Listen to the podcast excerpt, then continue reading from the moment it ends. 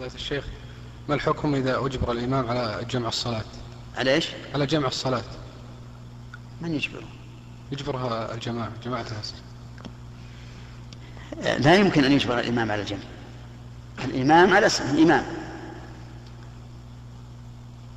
والإمام سلطان في مسجده.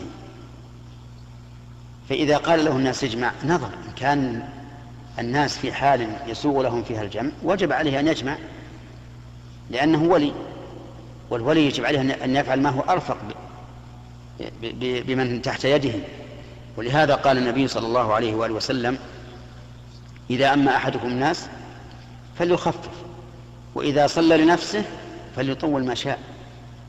فإذا طلب منه جماعة أن يجمع والجمع سائر وجب عليه أن يجيب. لكن هو بنفسه يجوز أن يجمع ويجوز أن لا يجمع مع وجود مع وجود المسوغ. وإذا طلب منه جماعة أن يجمع وليس الحال بمسوغ للجمع فإنه لا يجوز له أن يقبل منه. ويقول أنا لا, لا أجمع لأني لا أرى الجمع. فإن أصروا وقالوا إما أن تصلي بنا جمعا وإلا صلينا نحن. يقول صلوا نحن أنتم أما أنا لا أجمع. وإن خاف من فتنة في مثل هذه الحال فليصلي بهم وينويها نفلا إذا خاف من فتنة. والمسألة ممكن يعني ولو على وجه بعيد أن يكون هناك مسول للجمع.